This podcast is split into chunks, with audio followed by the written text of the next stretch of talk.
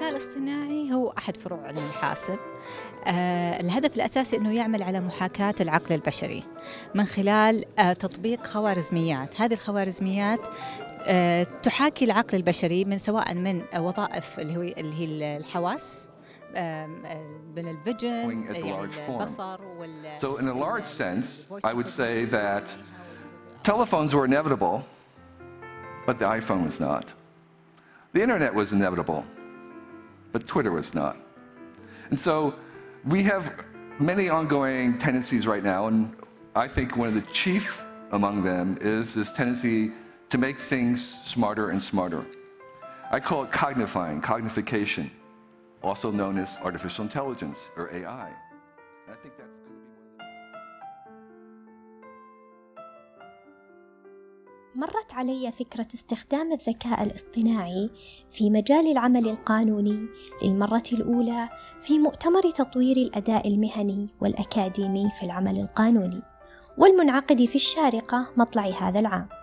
حين طرح الدكتور جمال السميطي الفكرة في فقرته الخاصة وفيما كان الأساتذة الأفاضل في المؤتمر يتناقشون حول مشروع قاض من الذكاء الاصطناعي وينقسمون بين مؤيد ومعارض لدخول الذكاء الاصطناعي مجال القضاء. كنت أجد الفكرة بمجملها غريبة ومثيرة للاهتمام فتح ذلك النقاش المثري أبواب المعرفة أمامي فبمجرد أن عدت إلى حاسوبي الشخصي بدأت رحلة البحث.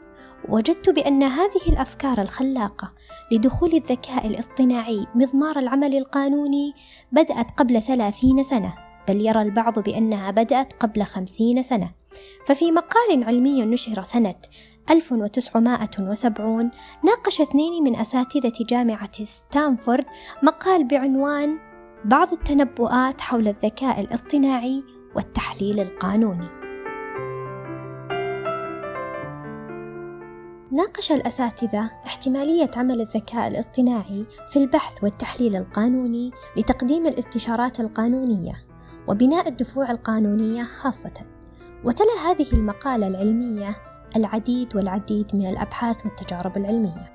من هذه التجارب ما قام به محام أسترالي يدعى إدرين كارتلاند حيث أطلق ليريا باحث قانوني مساعد ذكي اصطناعيا اجتاز اختبارات جامعية ليثبت كفاءته. كان هذا عام 2016 ثم بعدها بعام وبتعاون مع مطورين أستراليين وأمريكيين أطلق إدرين كارلند مكتب محاماة قائم على الذكاء الاصطناعي.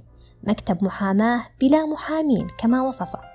يقع مقره في مركز تسوق تجاري ومصمم على شكل مكتب محاماة ولكن من يجلس خلف المكتب ليس محام بشري. إنما شاشة تفاعل مع الجمهور تفهم لغتهم العامية تفسر وتحلل أسئلتهم ثم تطرح الأسئلة عليه.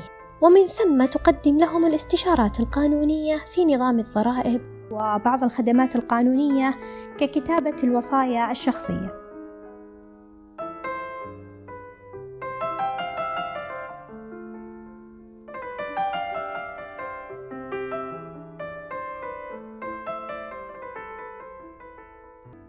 وفي قصة عجيبة أخرى صمم عدد من طلبة القانون في جامعة كامبريدج نظام ذكاء اصطناعي يتنبأ بمآل القضايا واحتمالية نجاحها وعند اختباره استطاع هذا النظام المسمى Case Cruncher أن يهزم ما يزيد عن مئة محام من محامي لندن حيث تنبأ بالأحكام القضائية بدقة تقدر بنسبة 86% فيما كانت تنبؤات المحامين دقيقة بنسبة 62% المثير للإعجاب في هذه القصة هي أن الطلبة الذين صمموا هذا البرنامج ليسوا مختصين في البرمجة أو علوم الحاسب وإنما في القانون. وفي صدد هذا الحديث تجدر الإشارة إلى أن عدد من كليات القانون الأسترالية أضافت مقررات متعلقة بالتكنولوجيا القانونية وتطوير التطبيقات القانونية إلى خططها الدراسية، وهو ما نأمل أن تتجه إليه جامعاتنا المحلية في المستقبل القريب. كما أضافت عدد من الجامعات العالمية برامج ماجستير في التكنولوجيا القانونية.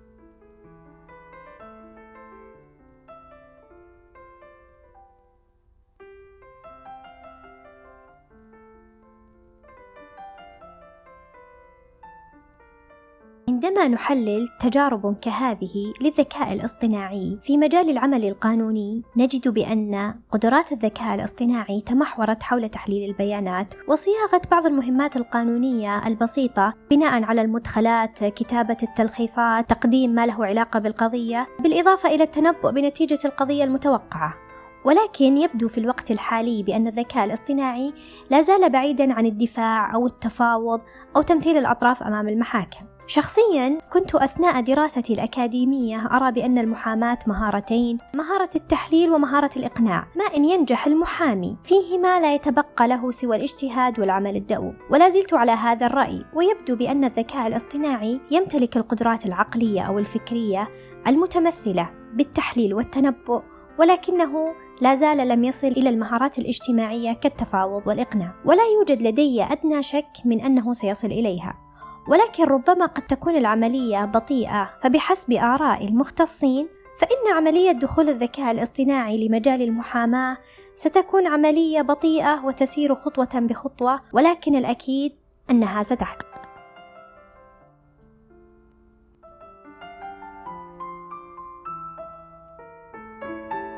ستحدث رغم كل ما تثيره من جدل بين من يرون بأنها تشكل خطرا على الوظائف والتقليديين الذين يعتقدون بأنها تخالف أساسيات المهنة وأنها خطر على مصالح العملاء بل ويشككون بقدراتها على الوصول لقدرات البشر في هذا المجال.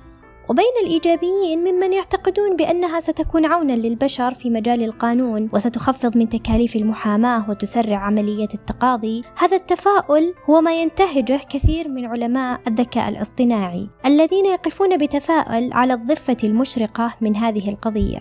فيرون بأن الذكاء الاصطناعي سيثري الفقراء وسيزيد الأغنياء ثراء. وبحسب تصريح عالم الذكاء الاصطناعي ماكس تيغمارك أن البشر قادرون أثناء بنائهم للذكاء الاصطناعي على إبقاء بعض الوظائف حكرا على البشر لتحقيق أغراض اقتصادية وإشباع حاجة البشر للعمل وتحقيق الذات. ولكن من المهم أثناء عملية البناء هذه أن يتم ضمان امتلاك الذكاء الاصطناعي لنفس الأهداف والقيم التي لدى البشر بشكل عام.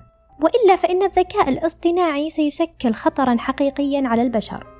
والسؤال الذي يتبادر للذهن هو هل سيكون زرع قيم إنسانية كالرحمة والعطف في الذكاء الاصطناعي قادر على أن يوازي القيمة ذاتها لدى البشر؟ هل سيكون قادرا على خلق قضاة مع أداء وكفاءة عالية وفي نفس الوقت يمتلكون إحساس بمشاعر وظروف طرفي النزاع؟ هل سيتم القضاء على احتمالية الانحياز وعدم الاستقلالية في حكم القاضي؟